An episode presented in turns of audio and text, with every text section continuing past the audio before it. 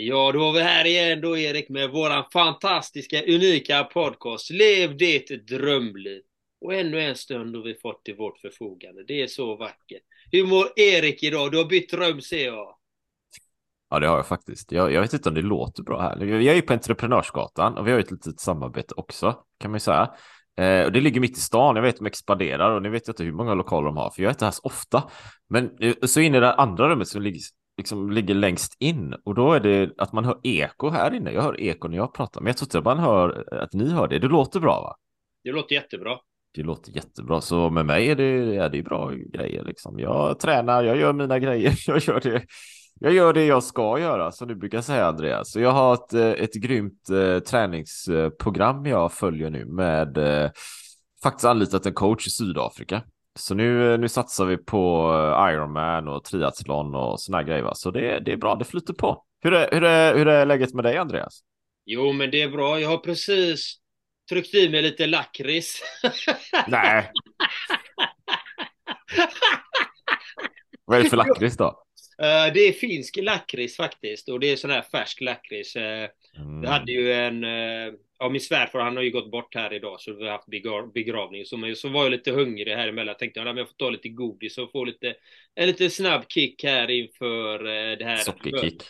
Ja, lite sockerkick så. så det, men jag mår fantastiskt. Själsligt mår jag jättefint. Mentalt mår jag fint. Fysiskt har jag varit krasslig men jag mår nu känns det som att jag är på väg tillbaka från eh, de fysiska åkommorna då. Så att det känns bra. Jag är lycklig just här och nu. Och just nu har vi ju faktiskt en fantastisk gäst också. Som brukligt brukar vi låta gästen presentera sig själv. Så varmt, varmt, varmt välkommen Nina! Hej, det är Ryan Reynolds och jag är här med Keith, co-star of my upcoming film If, only in theaters May 17 th Do you want to tell people the big news? All right, I'll do it. Sign up now and you'll get unlimited for $15 a month in six months of Paramount Plus Essential Plan on us. Mintmobile.com slash switch. Upfront payment of $45 equivalent to $15 per month. Unlimited over 40 gigabytes per month. Face lower speeds. Videos at 480p. Active Mint customers by 531.24 get six months of Paramount Plus Essential Plan. Auto renews after six months. Offer ends May 31st, 2024. Separate Paramount Plus registration required. Terms and conditions apply if rated PG. Here's a cool fact. A crocodile can't stick out its tongue. Another cool fact you can get short term health insurance for a month or just under a year in some states. United Healthcare short term insurance plans are designed for people who are between jobs, coming off their parents' plan, or turning a side hustle into a full time gig. Underwritten by Golden Rule Insurance Company, they offer flexible, budget friendly coverage with access to a nationwide network of doctors and hospitals. Get more cool facts about United Healthcare short term plans at uh1.com. Burrow is a furniture company known for timeless design and thoughtful construction and free shipping and that extends to their outdoor collection. Their outdoor furniture is built to withstand the elements, featuring rust-proof stainless steel hardware, weather-ready teak, and quick-dry foam cushions. For Memorial Day, get 15% off your Burrow purchase at burrow.com slash ACAST and up to 25% off outdoor. That's up to 25% off outdoor furniture at burrow.com slash ACAST. Tack så mycket. Eh, ja men precis. Eh, Nina Jusufovic heter jag. Och eh, jag är ehm, eh, intuitiv coach och jobbar med human design. Och jag är superglad att få gästa er podd här idag, verkligen. Vad roligt. Ja. Du, du hade lyssnat på avsnitt innan sa du, eller var det så? Det är alltid roligt.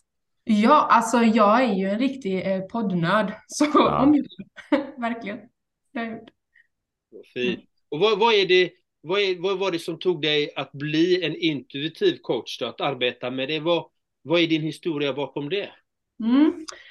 Men precis, alltså så här, jag är ju socionom i botten och jag har arbetat eh, behandlande med familjer, ungdomar och barn i eh, sex och ett halvt år. Och innan det så har jag arbetat inom psykiatrin och med samsjuklighet och så vidare.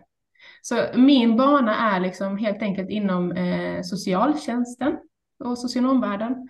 Och eh, jag har liksom fått en jättefin möjlighet att utvecklas där och arbeta eh, väldigt intuitivt.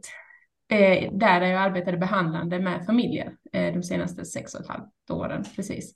Så det är där det har vuxit fram mer och mer att där jag gör som mest gott är när jag får använda min intuition. När jag inte följer någonting utifrån, när jag inte bara anpassar mig efter metoder, efter vad andra säger, utan och det börjar liksom växa fram mer och mer. Men shit, vänta lite här nu. När det blir som bäst så kommer det bara rakt inifrån. Så det var väl det som gjorde att det liksom, ja, det började skava där. Eh, och jag har ju utbildat mig till coach, det vet ju du John-Andreas, att det är så vi har träffats tidigare, precis.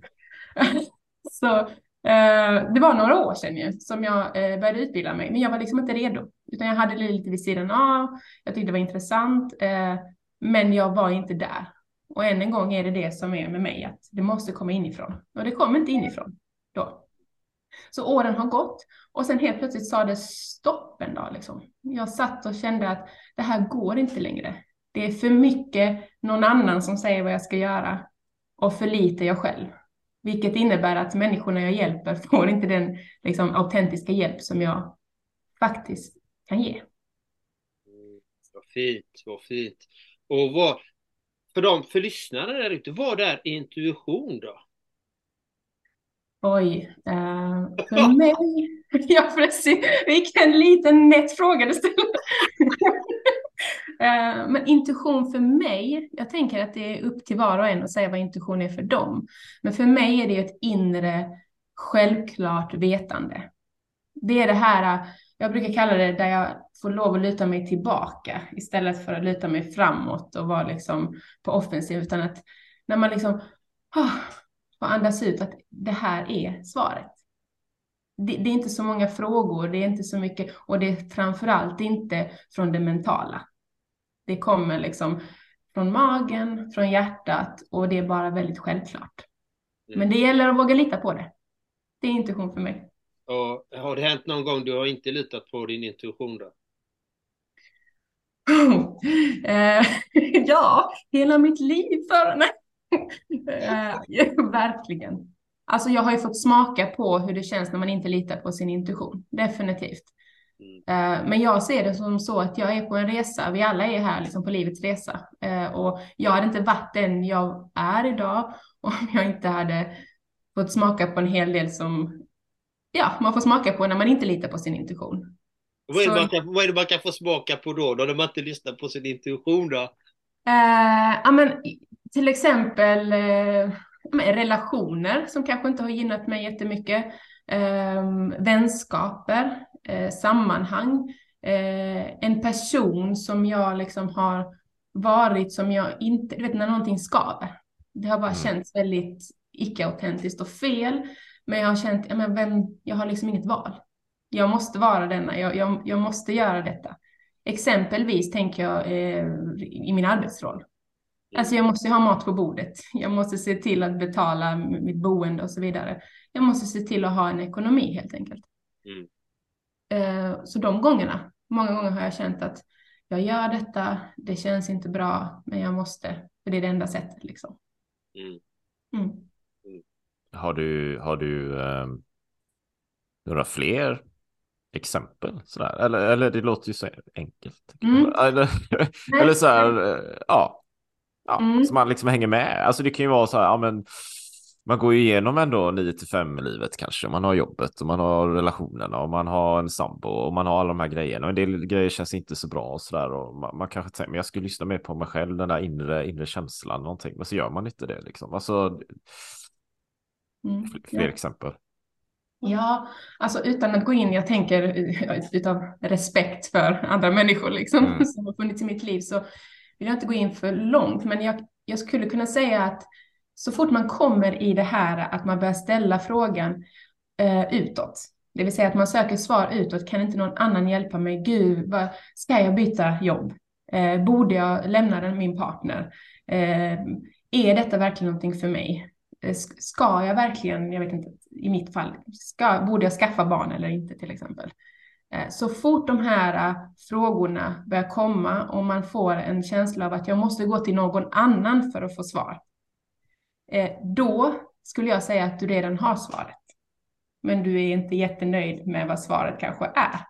Så du vet svaret, men du vill egentligen att någon annan motbevisar dig. Det var fint. Mm. Det var fint sagt. Och, men om man tittar då på intuitionen. Hur, hur, eh, hur hjälper du dina klienter att finna mer sin egen inre intuition då? Mm. Alltså, så här, det är inte någon liksom, hemlighet att vi lever i en värld där det finns jättemycket självhjälps, eh, som både litteratur och människor och ja, poddar. Vi är ju ett stort gäng som tycker om att hjälpa andra helt enkelt. Eh, och även om det kan låta liksom, liksom paradoxalt så vill jag hjälpa människor att inte söka sig så mycket utåt. Eh, Så att man behöver kanske mig en liten stund, men sen så pushar de till att du vet själv vad du behöver. Du behöver inte leta så mycket ut, men det handlar om att våga lita på det. Eh, Verkligen lita på det. Så hur jag hjälper andra människor är ju verkligen att våga, våga stå i sin inre röst. För att det är, det kan låta som så här, "Ja, men det är väl inte så jättesvårt. Men det är supersvårt idag i en värld där man hela tiden blir tillsagd att man är fel, man borde vara rädd och man klarar inte det själv. Alla andra vet bättre. Eh, Så man liksom, det är mycket att propag- propagera rädsla. Så vi löser ditt problem baserat på din rädsla. Alltså så. Eh, Och, och det är väl där jag känner att det är någonting som är tokigt. Vi har det i, vi har det i oss. Eh, och beroende på vem det är jag har framför mig, liksom det, det är väldigt individuellt. Men så vet jag, okej den här människan, den här människan behöver göra detta, fast den behöver ju komma till dig själv, såklart, som det är med coaching. Mm. Ehm, mm, Om man, eh, om man tänker sig, eh, liksom, alltså, det är ju väldigt lätt att hamna i huvudet. Tänker jag. Så, Mm. att, att man går runt och intellektuellt funderar på någonting. Jag har det här ar- arbetet kanske. mm, Trivs jag i det? Ska jag göra? Ska jag satsa på det? Ska jag vara kvar? Precis som du är inne på. mm, Och jag har ju haft jag har ju den erfarenheten eh, särskilt tidigare. Jag, runt, jag kan ju grubbla, vara en grubblare. Så kan jag ju fundera på det väldigt, väldigt mycket, väldigt, väldigt länge. Och tills det kanske kommer till den punkten där jag frågar någon annan vad jag bör göra. Det är lite som du är inne på där. Men då, då har du väl egentligen gått för långt. För jag, jag förstår ju det du säger också, att egentligen så kanske vi redan vet svaret. Om man går runt och grubblar på någonting väldigt länge så då försöker man ju på något sätt övertyga sig själv om att man ska göra någonting som är emot ens egen mm, intuition. mm. Ja, men ja, ibland. Ibland, sen kan det också vara, för då går vi liksom lite in på det här varför jag eh, drogs eller varför human design hamnade i mitt knä egentligen. Och det, det, det ger liksom bra svar på det du frågar, för för mig handlar det inte egentligen så mycket om vad man har för redskap, utan det är liksom vägen dit. Och vad är målet? Jo, målet är att få någon annan att känna att man har, ja, att man har, att man har kommit dit man vill. Att man får sinnesro, att man har fått den hjälpen man behöver. Och då var det så en dag att jag kände precis så som du. Eh, Jag var Mm. på mitt gamla jobb. Jag gick i skogen en dag och jag har gått liksom massa kurser, utbildningar, det ena och det andra. Ehm, och egentligen bara så här gott om, men sen är det inte mer med det. Och sen så lyssnade jag på någonting och då hörde jag någonting om human design. Och det var inte ens så här att för mig att jag bara, åh, det här är intressant, utan det, var, det bara gick rakt in. Jag blev helt så här, det här måste jag göra någonting av. För det resonerade så väl med mig. Mm. Och då handlade det mycket om att inte vara i huvudet. Det var det som resonerade väl med mig. Att lära sig att det finns liksom ingen eh, så här att en metod som passar alla. Vi är alla unika. Och idag är det jättemycket i världen kring att jo, den här metoden ska alla köra på. Eller den här maten ska alla käka. Eller så här ska alla leva. Och det är ingenting som jag... Det, det, det, jag har alltid känt liksom så starkt i mig själv. Det är inte rätt. Det är omöjligt att alla ska göra någonting. För att vi är så himla unika. Och det human design hjälper mig liksom genom, till att hjälpa andra är just att ta fram sin unika del. Helt enkelt. Och våga lita på sin intuition. Och sen de här kartorna, de är ju väldigt olika helt enkelt. Jag vet inte hur mycket ni, hur insatta ni är i human design. Vad, vad, vad är human design? Eller är det samma sak som intuition? Eller berätta Nej. gärna. Nej. Nej, jag tänker att jag, jag vet ju inte hur insatt den är, så annars ska jag berätta om det. Ja, berätta om det. Vi har många lyssnare också, poddlyssnare. Ja, som bara, vad är human design? Vad, vad, vad, Ja. vad, vad pratar hon om? Alltså, precis. Eh, human design, jag kan berätta det lite översiktligt så. Men human design är ett system som är en eh, blandning av kvantfysik, eh, astrologi, chakrasystemet, det kinesiska I Ching eh, och eh, kabbala, livets träd. Så det är en ihopmix som en, namn, eh, som en man vid namn Robert Krakower, som sen ändrade namn till Ra Uruhu, fick till sig. Detta blir lite flummigt, men det, det är så här det sägs ha kommit till i alla fall. Eh, han fick till sig detta systemet helt enkelt, kanaliserat 87, 1987. Därefter har han arbetat med att få ut det till världen. Helt enkelt. Och, och det är en, eh, vad ska man säga, det är en, eh, en karta på ens energetiska konstitution. Helt enkelt, som man får fram vid födelsedatum, stad och tid eh, där man är född. Så slår man in det så får man helt enkelt fram en, en karta på som ungefär en människofigur med olika liksom, mönster och den, den ser jätte, så här, tokig ut när man får ut om man inte förstår någonting av den. Men den lär man sig i alla fall att tyda och en sån karta, eh, ett, vad ska man säga, en, ens energetiska screenshot från den, den, den tiden man föddes. Um, den innehåller otroligt mycket information. Om man är öppen för det helt enkelt. Så det är det som human design är och alla har sin unika karta. Och läser man den, och det var ju så det var för mig, att jag kände direkt att jag, måste ta reda på min karta. Och när jag fick reda på min då energetiska konstitution kände jag bara, men vänta lite, va? Hur, hur, hur visste de det? Det här är ju helt galet, tänkte jag. Liksom. Och det gav mig så mycket hjälp, för det var egentligen ingenting som, så här, nu måste jag göra en massa. Utan det var bara information att, aha, vänta lite, det är därför, det är därför jag fungerar så eller si, liksom kring vissa grejer. Det är därför jag har så otroligt svårt kring det här. Eller, och jag har alltid tänkt kring vissa saker att jag är otroligt liksom konstig eller märklig eller ja. Men där fick jag till mig att nej, men, jag har ju vetat allt detta. Det är inget konstigt. Jag visste detta om mig långt innan jag fick till mig denna informationen. Bara att det blir otroligt hjälpsamt nu. Så, Och det var faktiskt det som gjorde att jag sa upp mig från mitt andra arbete. så human design är en mix av, vad ska jag säga, fyra eller fem olika tekniker eller fyra eh, vetenskaper om man ska säga så, beroende på hur man vill se, se, se det. Ja, exakt. Precis. Sen är inte jag, jag ska vara helt ärlig med att säga att jag inte den här personen som är jätteintresserad av hur exakt det har framkommit. Man kan, man kan göra vad man vill med den informationen. För mig är det så här, är det hjälpsamt eller är det inte hjälpsamt? Mm. Det är mycket som vi... Vad sa du? Det är det enda som är intressant, hjälper det eller hjälper det inte? Precis, för det finns ju de människorna som säger, ja men är det här, är det på riktigt? Ja, alltså det är ju upp till var och en att avgöra. Är- Jag vet inte, är kärlek på riktigt? Är, är, det, det är mycket som vi, som vi känner starkt är rätt för oss. Och för mig, så just nu i det här livsskedet så resonerar det väldigt starkt och är rätt för mig. Och även de som jag liksom har hjälpt med det. Ehm, Jag förstår den känslan. Det var samma när jag hittade mitt, min, mitt livssyfte. Jag, jag arbetar som livssyftecoach liksom. Och Mm. när jag väl hittade, hittade den och fick mitt livssyfte, då blev det, det blev som en eh, laserbeam. Det blev så klart, det blev spikrakt, det var inga problem liksom. That's the way. Det är bara rakt fram som gäller med Mm. det som. Det blir så glasklart och, och, det, och det som vi brukar säga i podden, det finns många vägar att gå. Det finns human design är Nina, var Ninas sätt och många andra sätt och livssyftet är mitt sätt och Eriks är det primal Swede kanske eller, eller vad det nu må vara. Liksom, så att alla har ju sin väg. Och det var samma med som poddgästen här innan, Dr. Diamanti som är kinesisk läkare, naprapati och han har, han har hittat sin väg. Så att, att hitta sin väg och testa olika saker, det är för att vi är unika. Och vi behöver hitta våran egen väg. Vad roligt att du nämner Dr. Diamantis. Han är ju en av mina liksom gurus. han hade vinnande Pratade man här precis. innan? Nej.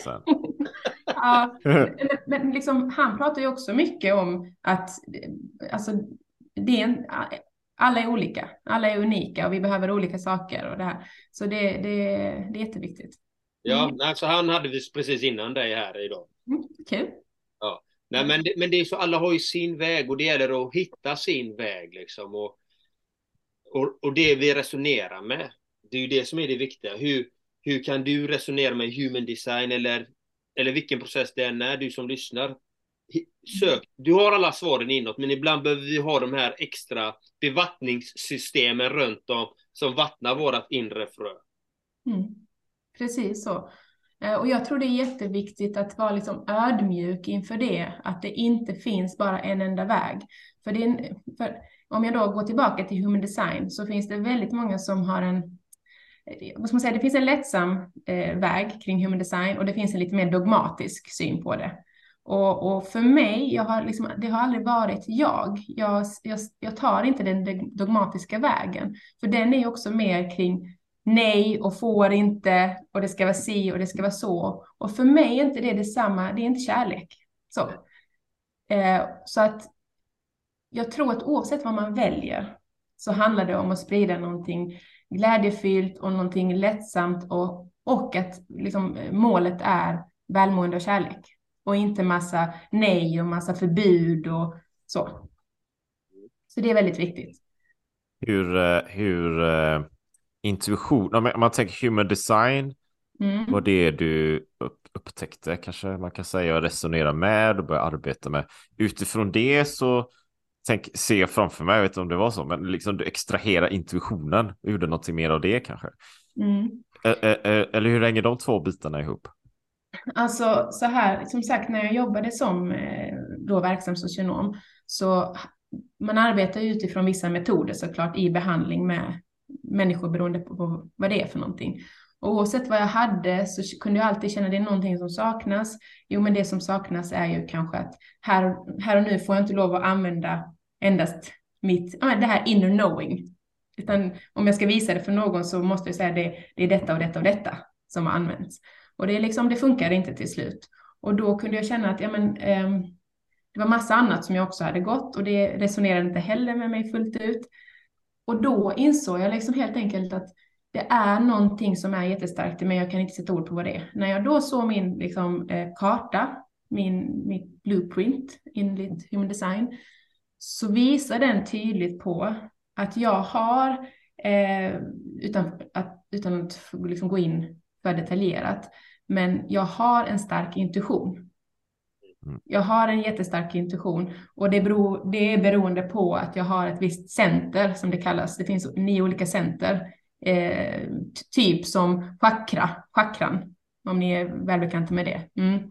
Och då är det liksom att mitt mjältcenter, som det kallas, spleen center, är definierat och det innebär att man, man ska i princip inte lyssna på andra. För det, det, det gör en illa. Man måste gå enligt sig själv. Jag har en väldigt stark känsla av själv och, eh, och så. Och det blev väldigt klart för mig och mycket i min karta sa du vet vad du, du vet både vad du behöver göra och du vet vad andra behöv, behöver göra. Liksom. Eh, och det var så jag började implementera mer och mer. Att jag har gått coachingutbildningar och då började jag känna, ah, okej, okay, men det är intuitivt jag vill. Sen så en annan sida av det hela är ju att jag är eh, ganska medial av mig. Men jag väljer att inte gå ut för mycket med den, för då tänker jag att det finns många som blir rädda av det och känner att nej, nej, nej, usch, flum, nej, nej tack. Utan lite mer konkret liksom. Men jag får ju till mig, jag får ju till mig information, liksom kanaliserad information som jag använder mig av. Men jag tänker att det behöver man ju inte, det kan man ju kalla olika.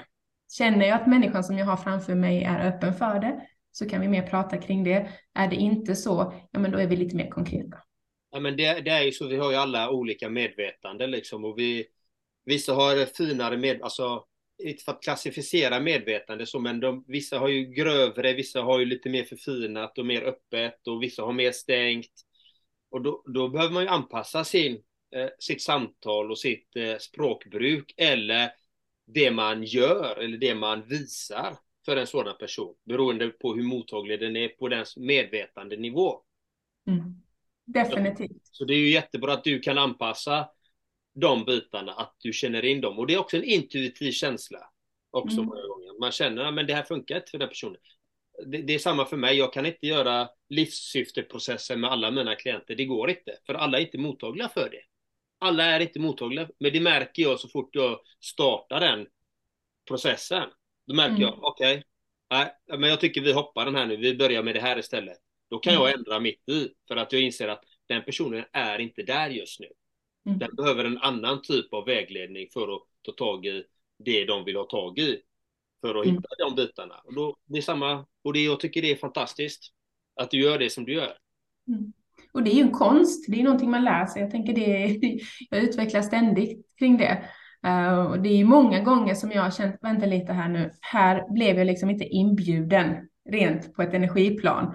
Men jag fortsätter att mala på. Och, och då, lär, då lär man ju sig av det och så märker man, okej, det, finns, det går inte hem liksom. Det, det, det, det, det är precis som att man pratar ut i luften. Och då har jag ju lärt mig erfarenhetsmässigt att, men vänta, jag behöver bli inbjuden.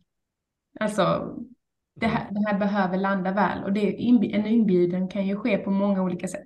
Det kan ske på ett energiplan, liksom. Det kan ske i, i humor. Alltså humor är ju ett verktyg som för mig är väldigt liksom, nära och jag vet ju att det är det för dig också, John Andreas. ja, precis. Ja, det, det är väl som ett, eh, ett, ett, att landa liksom i någonting tänker jag. Jag, jag tänker så här. Jag har haft väldigt många, jag har ju inte tänkt i de här termerna innan, ska vi säga, för intuition och, och så alls särskilt mycket. eh, Även om man allmänt arbetar med det kanske. Men, men under de här åren så har jag arbetat mycket med affärer och affärsmöten och suttit oerhört många möten, oerhört många möten eh, på nätet via Zoom eller fysiskt och sådär. Jag kommer ihåg mer i början, jag har delat det en annan gång i podden också, men jag kommer ihåg i början att jag med, kanske var mer osäker och sådär, men mer målde på. Sådär, va? Jag var med, jag ska säga det här, så jag bara, jag matar på och bara snacka och snacka och snacka och snacka och mötena kunde bli oerhört långa och så. Jag lärde mig fantastiskt mycket, men det var ju inte någon, det, gick ju inte så bra va. Och sen allt eftersom så började jag snarare känna mer av stämningen mer och mer och mer och mer och hamna i någon slags, jag vet inte, energi utbyte, någon, någon form av intuitiv stämning på något sätt. Jag kunde läsa av mina eller de som var med i de här mötena på ett helt annat sätt. Inte nödvändigtvis att mötena blev mer produktiva, blev mer affärer, men jag, jag kunde ju arbeta med min energi på ett helt annat sätt. Jag visste vilka frågor jag kunde ställa och vad jag skulle säga för att det skulle ske vissa saker. Och, och som du säger också att var jag inbjuden, eller Andreas som du sa, eh, det är ingen idé att snacka om eh, livssyftet än, och de här metoderna, för det, vi har inte blivit inbjuden, de har inte visat. Det är någonting som fattas och det har kunnat vänta med det. Mm. Så man arbetar hela tiden med med, eh, med, eh, det är som en muskel kanske man kan säga, intuitionen. Mm. Ja, men definitivt. Och jag tror alltså, jag tror att det gör hela skillnaden. Eh, jag tror hade vi alla blivit bättre på det, oavsett vilken, liksom, vad man arbetar med eller vilken position man har, att verkligen ta ett steg tillbaka. Och liksom, vi är så framåtlutade. Vi lever i ett samhälle som är så himla framåtlutat. Vi ska framåt och vi ska få, det ska gå fort och liksom skynda. Eh, så att det, det är knappt som man vågar säga, nej jag ska luta mig tillbaka och jag ska lyssna, är jag, och jag ska liksom kolla mig omkring. Är jag ens inbjuden här? Kommer någon ens lyssna på mig liksom? Annars, säg tack men nej tack och välj något annat. Och det är ju också att lära sig det. Det är verkligen. Eller, eller så skriker man bara rätt in i kameran. Har du vaknat? Givetvis, eller det. Vad ska vi säga då? Så tappar jag tråden. Det var skitbra. Nej, men jag, jag, jo, jag tänker så. Alltså, jag, jag, jag, det, ett, det är ett av de här områdena som jag trivs allra bäst. Eh, som är det, det, det, jag, jag, vi har ett ställe i Spanien. Det finns en cykelklubb. Cyklar med dem. Vi kör 10 mil. Det är ett gäng. Vi, vi är kanske 50 cyklister. Efteråt sitter man där och chillar och snackar och så.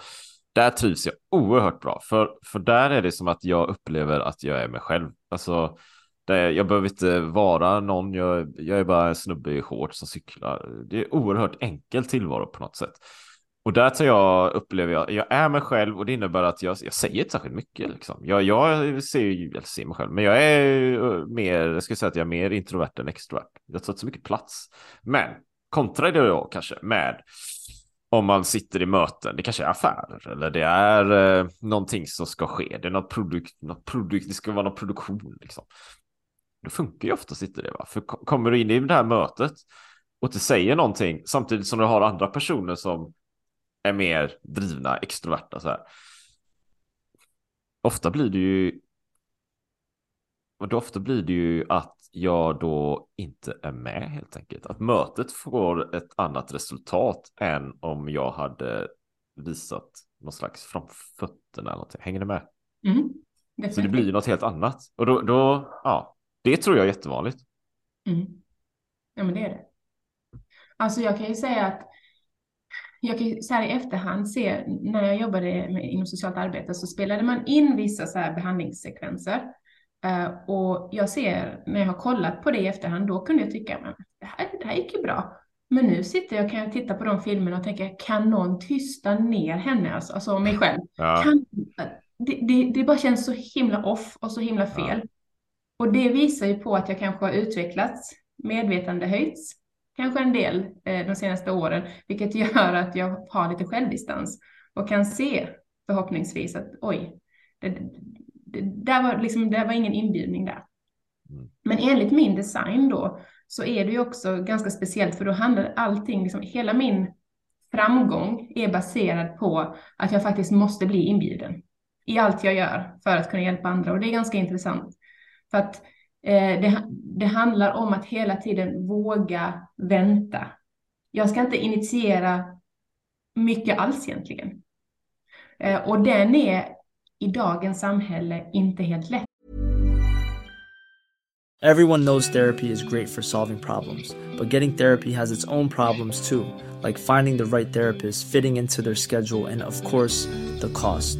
Well, BetterHelp can solve those problems. It's totally online and built around your schedule. It's surprisingly affordable too. Connect with a credentialed therapist by phone, video, or online chat, all from the comfort of your home. Visit betterhelp.com to learn more and save 10% on your first month. That's BetterHelp, H E L P. Quality sleep is essential. That's why the Sleep Number Smart Bed is designed for your ever evolving sleep needs. Need a bed that's firmer or softer on either side? Helps you sleep at a comfortable temperature? Sleep Number Smart Beds let you individualize your comfort so you sleep better together. JD Power ranks Sleep Number number 1 in customer satisfaction with mattresses purchased in-store. And now, save 50% on the Sleep Number limited edition Smart Bed for a limited time. For JD Power 2023 award information, visit jdpower.com/awards. Only at a Sleep Number store or sleepnumber.com. Nej, men att våga lita på det. Ja, men den är, jätte, den är jätteintressant eh, för att det är ju så jag jobbar själv, personligen. Mm. Jag väntar ju på att bli inbjuden. Mm. Och, och det, det är så alla, alla mina arbeten har kommit till. Det är att jag har väntat på att bli inbjuden. Alla föreläsningar, workshops, samarbeten, alla klienter. Jag har inte raggat någon. Alla har ju kommit till mig. Men varför? Det är för att om man ger osjälviskt så kommer det till dig. Och det, och det, det är som du, du, du nämnde tidigare att ja, men jag, jag vill ju bli mer social, jag behöver synas lite mer på sociala medier, poddar etc. Och det är för att du har ett högre syfte för att du vill hjälpa människor. Och då behöver du ju faktiskt dela med dig av din kunskap och dig som person. Så att, och dela med dig av din kunskap eh, utan av egen vinnings skull. Mm. Och där, alltså det du säger där är jätteviktigt för jag har ju så svårt för det kopplat till det du också sa Erik, att jag måste känna att jag liksom blomstrar i ett sammanhang. Jag måste känna att ah, jag kan bara vara jag här. Mm. Och det känns korrekt, det resonerar med mig, jag är avslappnad. Allt bara, du vet, när, ni vet när man har ett flow ja, i tillvaron. Man bara är och det är helt underbart. Och det, då kommer vi till det, liksom. sociala medier. Mm. Jag flowar inte med sociala medier. Och, och jag, det är liksom bara, nej, det går inte. Det är två motpoler. Och det är, det är så himla liksom, det är svårt när man vill ha ett yrke där man vill hjälpa andra via digitala plattformar. Men syns man inte så finns man inte. Och så ska jag lyssna på min intuition. Och min intuition säger inte var ute på sociala medier. Så det blir moment 22 där liksom. Mm. Nej, men det är jätteintressant. Jag, jag tycker det är jätteintressant för att jag var ju anti sociala medier totalt. Inte filmer, inga foton på mig whatsoever. Det fick man inte ta på mig tills, tills jag började med sociala medier tack vare min partner liksom. Så att, eh, och jag hade ju samma motstånd som dig, men mitt syfte, alltså hela min kropp skrek ju, jag ska inte hålla på med den skiten. Det är inte min grej. Det är ingenting för mig. Alltså hela kroppen skrek, men okej, men ska jag verkligen hjälpa människor? Om det är mitt syfte, ja men då får jag, får jag göra det här. Om jag vill hjälpa människor. Jag får lära mig den här skiten. Så vaknar du en dag och du bara hello sociala medier. Ja. liksom. Och då börjar, och så börjar man och så fortsätter man. Och till slut, det är det, det jag vill säga till dig då Nina, det är att det blir en vana. Till slut, till slut har du överkommit det och då, då, för då kommer du se framtiden liksom. Nej men, jag får ju faktiskt resonans här när jag faktiskt gör det här som är bra för andra människor. Du får en respons på det till slut, förr eller senare. För universum kommer servera det som du vill. Mm. Den gör det, men man måste vänta, precis som du sa. Man måste vänta, men du behöver ju ändå ha en, en action. Mm. Men detta är ju action för mig. Att Ja. vara med i podd så här. Jag tycker det är skitläskigt. Eh, Men men det är så långt jag kan gå. Så tänker jag, vad är autentiskt för mig? Jo, det är autentiskt att prata från hjärtat. Yes. Det gör jag gärna. Eh, Men jag kan liksom, så får vi se vad de andra stegen blir såklart. Och det är det, jag tror också det universum ger när man tar action. Men den action jag tar måste kännas 100% inifrån. Mm. Det är det. Men det här är jätte, jätte, jätteroligt för du sa att Diamantis var en av dina gurus här va? Så, Mm. och vi pratade om rädslor. Mm. Och det är ju någonting som jag personligen också jobbar med. Det är att våga utmana sina rädslor. Hur ser du på det då? Mm, jag gör ju det just nu genom att vara med här. jag var så nervös inför liksom. Eh, utmana mina rädslor, men det gör jag hela tiden. Såklart, inte fullt ut. Men att säga upp mig från mitt heltidsjobb var ju en sån, jag, vi hade ingen aning vad jag skulle ta vägen sen. Eh, så det var att kasta mig ut. Jag utmanar rädslor hela tiden. Eh, men jag tror när det handlar om det sån här integritet, Mm. när det går to the core på något vis, då blir det för mig direkt, nej jag tänker inte sälja mig själv, jag tänker inte det. Så blir jag så här som en obstinat liten unge. Eh, och jag vet inte det är en superrädsla egentligen det handlar om. Det kan det vara. Det kan vara något liksom bakomliggande där som liksom är som ett isberg. Jag vet inte.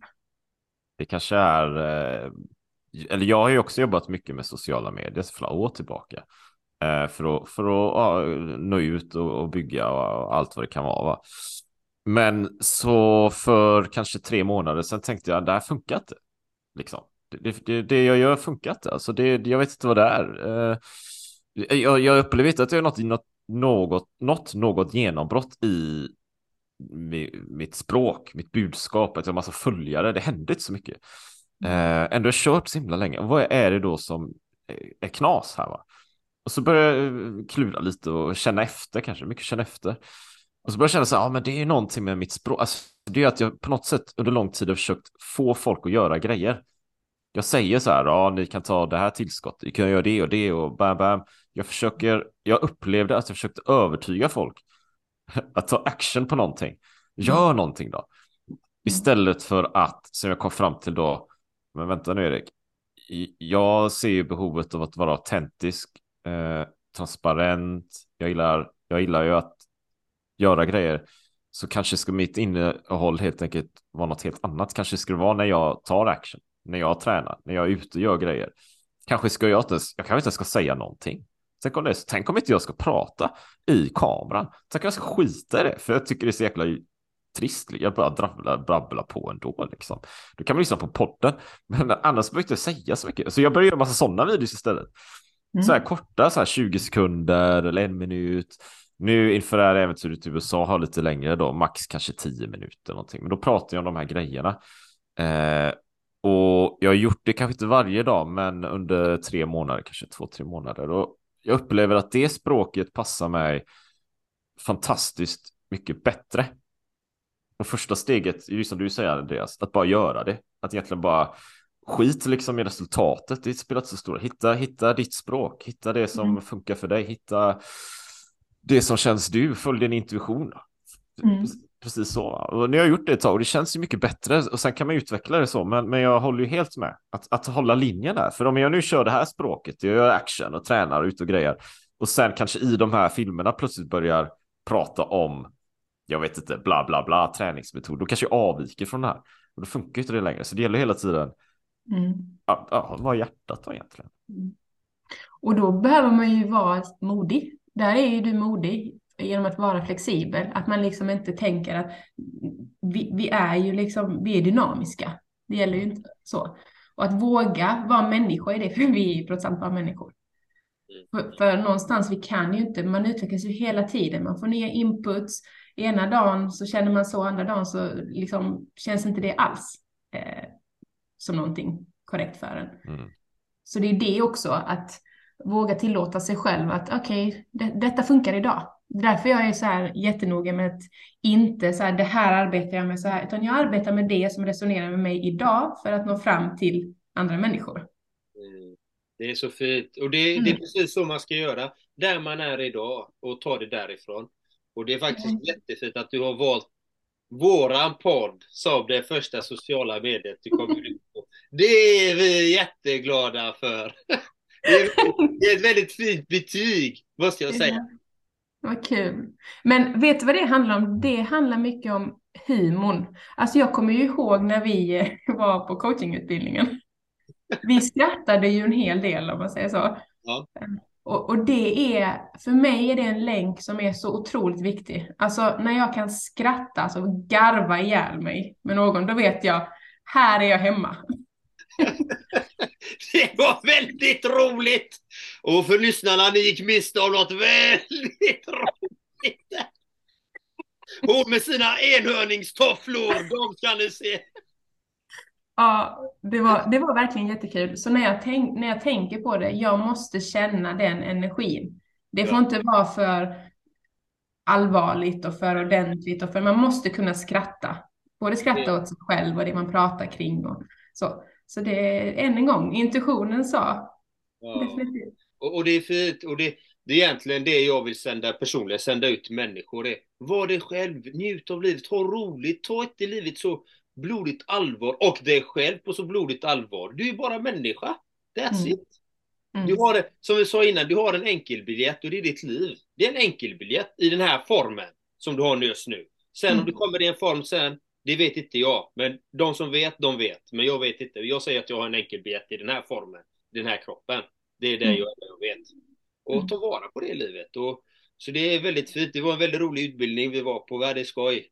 Men jag kommer ihåg hur du kollade på mig när jag kom in där. Du bara, vad är det där för stropp? Ha? Kostymnisse där. Ja, har du berättat det för Erik? Nej, jag har inte berättat. ja, ja, det är det jag menar. Jag kan vara lite brutal ibland. Jag menar inget illa med det, men från början så, jag vet att jag kollade på då Andreas ja. och jag bara nej, vad är det för stropp? Nej, nej, alltså det här, vi kommer inte prata den här veckan. och, men sen så, och då sa jag ju det, för du frågade vad har du fått för uppfattning av mig? Och jag, jag sa, jag var ju brutalt ärlig. Ja. Och, och, det roliga var, och det roliga var ju att jag visste det när jag kom in. Var det så? Ja, ja, jag visste det. Hon, hon, hon dömer mig rakt av, rätt upp och det hon tycker jag är en jädra gubbe med näsan upp i vädret, att jag tror att jag är någonting, ba, ba, ba. Och, och det var så fint när jag frågade sista dagen, vad, hade, vad var din första uppfattning om mig när jag steg innanför dörren? Och då mm. sa du det, ja, då, började, då visste jag, jag hade rätt liksom. Och motbevisade det, att vi hade så roligt i kursen. Vi var ju flera som hängde där som hade jätteroligt. Och det, det är det som är det fina. Alltså det är det att man, ja. Verkligen. Att vi faktiskt, vi är människor, och, va, och det här är ju väldigt intressant. Om vi ska, vi pratade om rädslor innan. Och var, varför nu tar vi ditt exempel här och vi kan ta andra exempel. Vi kan ta det. Vad grundar sig det exemplet i? Det grundar sig i att se, är det här vän eller fiende i det djupare perspektivet? Att Mm. se, tillhör han min flock eller inte? Och tillhör han min flock, då kommer jag överleva bättre. Men tillhör han inte den andra flocken, då är han en fara. Då är han inte något för mig. Då ska han vara så långt borta som det bara går. Så, 100 procent. Och under den tiden så var jag också, det var en skör period för mig. Och för mig var det jätteviktigt att precis det du talar kring, min flock, jag måste ha koll på min flock. Och då började jag ju reka där direkt, vilka ska vara i min flock? Han, eh, no. och det blev ju precis tvärtom. ja. Så där blev man ju väldigt motbevisad kring, liksom, ja, vi har alla förutfattande meningar och vi fördomar och det ena och det andra så. Mm. Och, och det är så fint att vi pratar om det här för ett poddavsnitt, för er som inte har lyssnat på Diamantis, vi pratade också om det med honom att han har sin filosofi, filosofi att inte döma någon, utan att vi alla är unika, att vara öppna. Och det är precis det, livet blir så mycket roligare då, stäng inte ute något. Var öppen, se Mm. alla människor och låt dem visa vem de är. Oavsett vad de har på sig för kläder eller inte, om de, eller om de inte har på sig kläder. Nej, jag skojar! Nej, men så att man inte dömer någon, utan Mm. Låt dem visa med handlingar. Det blir oftast bäst så. Mm. Kan det, kan det vara så här att, eh, att man kan blanda ihop rädsla då med intuition? Så här tänker jag om, om eh, Andreas kom in med slips och kostym och så känner man shit vad är det för, vad är det för eh, snubbe liksom? Vad är det för stropp? Jag, jag tänker, är det, är det, är det, hur vet man om det är rädslan eller om det är intuitionen som talar? Eh, du är verkligen något på spåret där, för det är precis så. Man kan verkligen blanda ihop rädsla med intuitionen. Eh, och, och genom mitt liv har väl jag, de två har legat väldigt nära varandra. Så, så, vad ska man säga, när jag inte har följt mitt inre så har jag agerat mycket utifrån rädsla och kallat det intuition. Men det är ju snarare rädsla. Och, och, och liksom att döma där i det, i den stunden, var ju 100% rädsla. Eh, typ det här är främmande, okänt. Jag kan inte lägga in det i min box, eh, hur, min världsbild. Så. Vi vill ju gärna liksom lägga människor, sätta människor i fack. Eh, så är det ju. Hjärnan funkar så. Speciellt när man själv inte riktigt är liksom balanserad. Jag var inte det där. Så var det verkligen för mig. Eh, så, så det blev så. Den tiden var så viktig på så många plan. Först att man agerar helt och hållet och opererar utifrån rädsla. Och sen att det blir så förlösande i allt det skrattet och att bli så motbevisad att som du har ju, du är ju väldigt liksom eh, mångfacetterad. Eh, att du, liksom, du har ju supermycket att ge men samtidigt kan du liksom brista ut i ett sånt brutalt asgarv.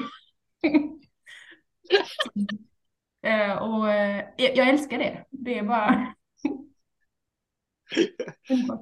Ja, men, men, men om man tittar på rädslan och intuitionen, men hur, för de för lyssnare, hur kan, man, hur kan man veta när det är rädsla och hur vet man när det är i din verklighet och hur vet man när det är intuitionen? Vad är det som avgör det? Eh, det är jättesvårt, men jag kan ju säga för mig här nu då som arbetar med human design, där kan man utläsa en hel del. Jag som har det här eh, centret, mjältcentret definierat som jag talade utifrån innan, det handlar om intuition och rädsla.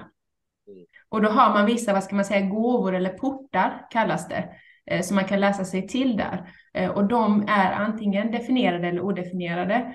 Och, och där kan man läsa sig till eh, om det är vad, liksom, vad i livet är du rädd för? Vilka situationer är du rädd för? Vad, vad är dina triggers? Eh, så.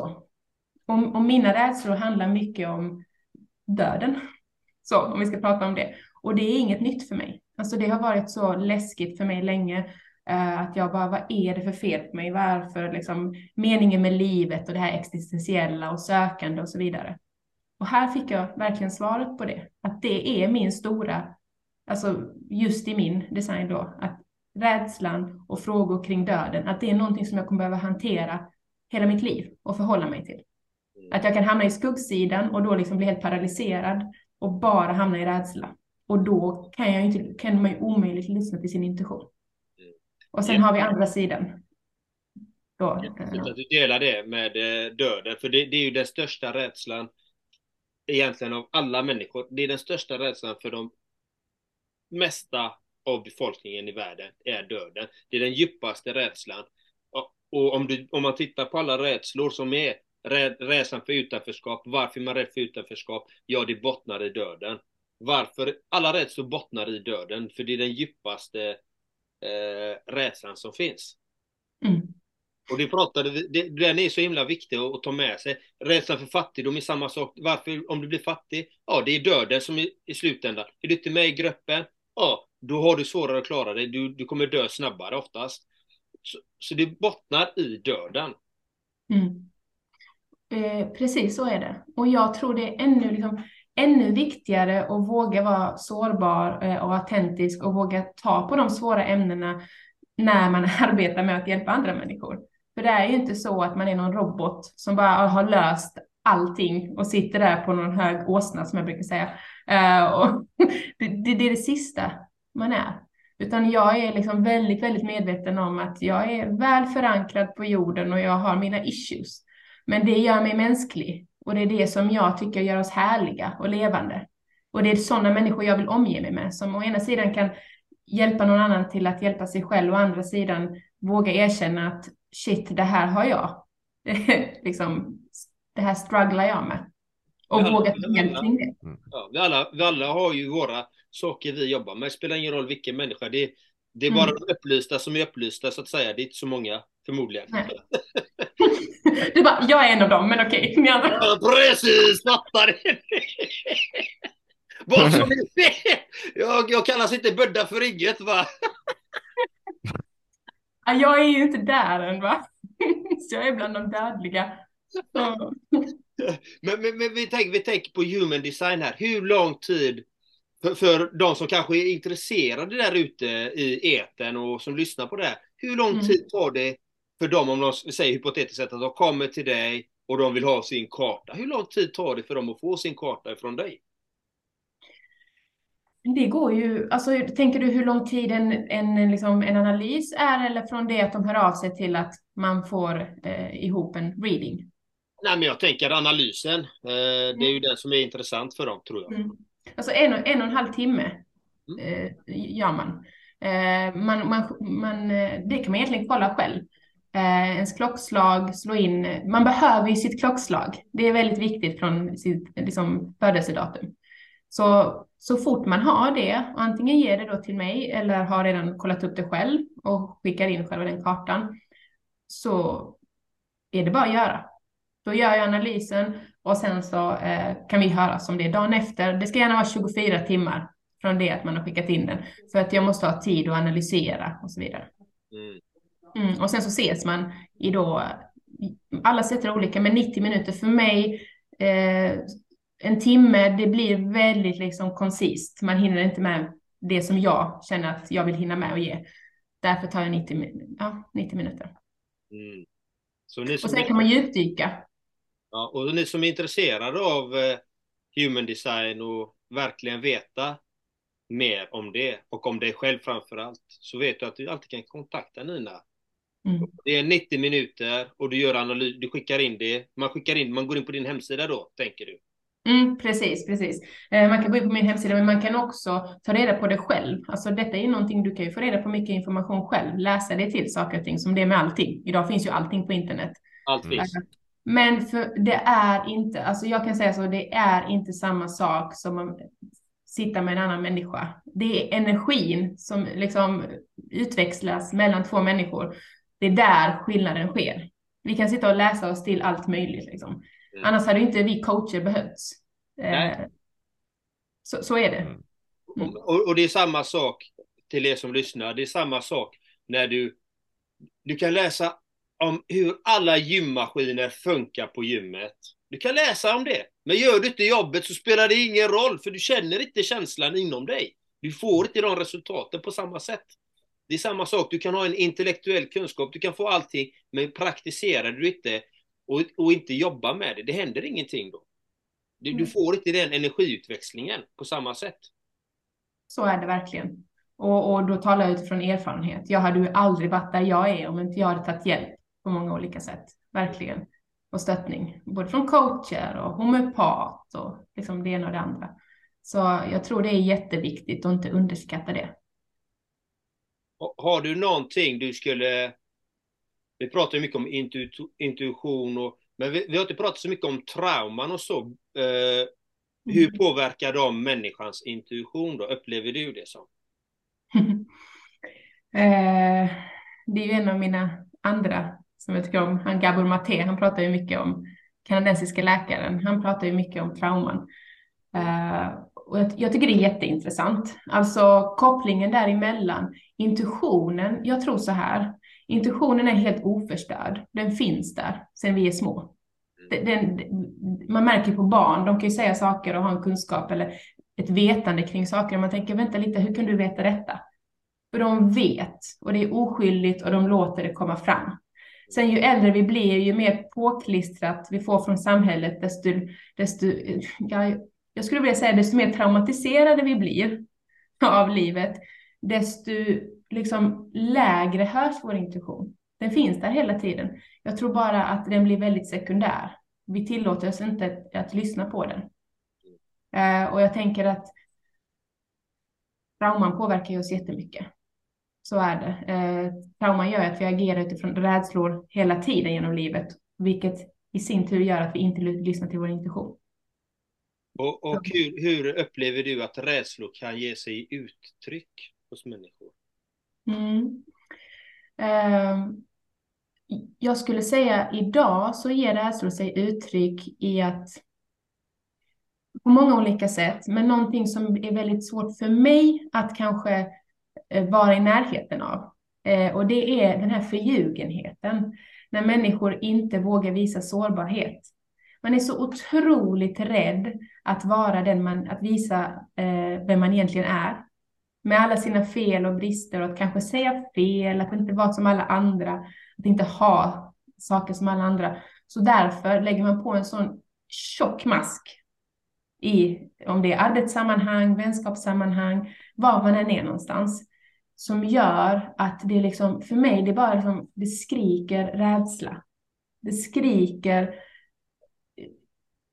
icke-autenticitet. Och det för mig är det absolut svåraste att vara, ni, ni pratade om det här innan att man inte ska vara dömande. Jag är inte dömande, däremot så har jag svårt att vara i sammanhang där det finns alldeles för mycket förljugenhet. Jag känner det på ett energetiskt plan, att människor som har alldeles för mycket masker, det är som att jag bara suger in dem direkt. Uh, och, och, jag vill direkt in, utan att ha fått en inbjudan, in och hjälpa liksom. Och det är det sista jag ska göra, det går inte. Och då behöver jag avlägsna mig från de situationerna. För det är liksom bara, det är bara massa rädsla i rummet. Eller i vad det nu kan vara. Eh. Så jag, jag tänker så här, hur, hur, eh, hur, hur, hur eh, tänker du kring att för man behöver ju ibland bryta igenom, eller behöver, men om man vill bryta igenom de här maskerna, mm. att alla har ju olika medvetande. Hur gör du för att faktiskt försöka bryta igenom de där maskerna. Om du mm. vill.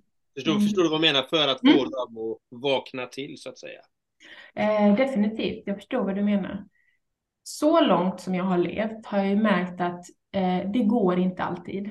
Eh, det är en, eh, jag, jag återkommer till att är, har jag inte fått en inbjudan så spelar det ingen roll hur mycket jag vill hjälpa eller hur mycket, eller om jag har något klokt att säga, för det går helt förlorat.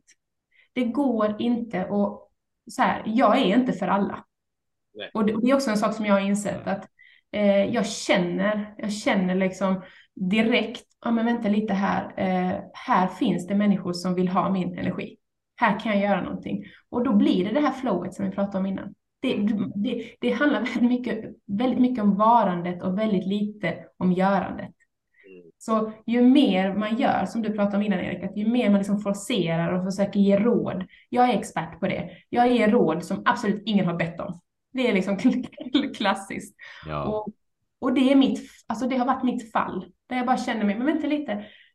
Jag tyckte ändå jag, det var ganska liksom well put, det var ganska klokt jag sa. Va, va, hallå, var det ingen som... Så många gånger i mitt liv. Och så blir jag så här bitter och jag förstår inte. Och så kommer det någon, blir här, annan. Och så säger exakt samma sak. Wow, nej men det, det. Och då lyssnar folk. Och då har jag tidigare i mitt liv tänkt på att nej, alltså det, det, här är helt sjukt. Vad är det? Är det min energi? Är det bara... Tills jag började förstå att, men vänta lite, jag är inte för alla. Det spelar ingen roll vad jag har att säga. Det, det, det är därför alla, vad ska man säga, vi behövs så många i världen för att hjälpa till att höja medvetandenivån. Och alla är för olika människor. Och det är, väl, det är än en gång återkommer jag till det. Vi är unika. Och då det gäller det att inte bli kränkt när man märker att här är inte dina råd välkomna. Nej. Så enkelt är det. Så det är mitt svar.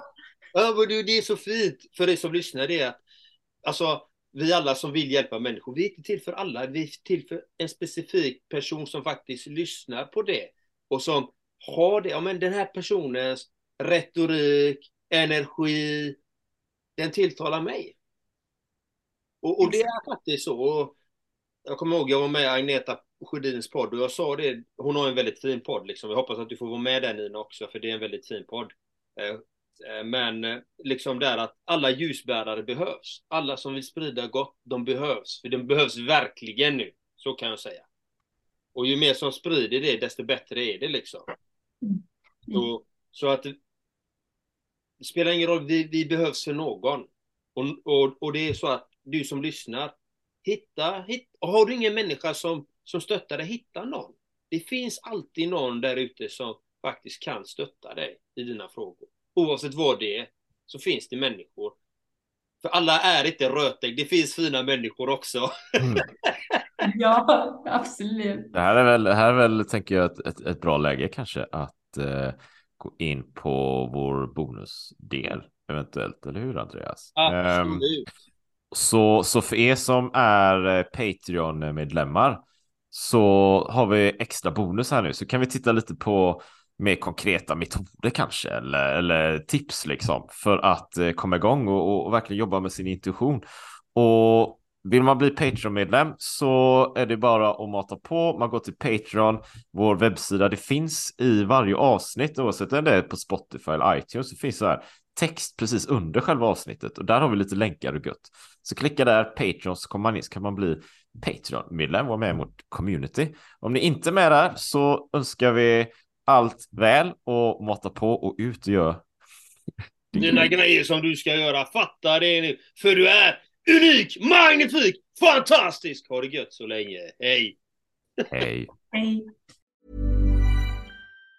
Mom deserves the best, and there's no better place to shop for Mother's Day than Whole Foods Market. They're your destination for unbeatable savings, from premium gifts to show-stopping flowers and irresistible desserts. Start by saving 33% with Prime on all body care and candles. Then get a 15-stem bunch of tulips for just $9.99 each with Prime. Round out Mom's menu with festive rosé, irresistible berry chantilly cake, and more special treats. Come celebrate Mother's Day at Whole Foods Market. Hey, it's Danny Pellegrino from Everything Iconic. Ready to upgrade your style game without blowing your budget? Check out Quince. They've got all the good stuff shirts and polos, activewear, and fine leather goods, all at 50 to 80% less than other high end brands. And the best part? They're all about safe, ethical, and responsible manufacturing. Get that luxury vibe without the luxury price tag. Hit up quince.com slash upgrade for free shipping and 365 day returns on your next order. That's quince.com slash upgrade. Even when we're on a budget, we still deserve nice things. Quince is a place to scoop up stunning high end goods for 50 to 80% less than similar brands. They have buttery soft cashmere sweaters starting at $50, luxurious Italian leather bags, and so much more. Plus, Quince only works with factories that use safe, ethical, and responsible manufacturing. Get the high-end goods you'll love without the high price tag with Quince. Go to quince.com/style for free shipping and 365-day returns.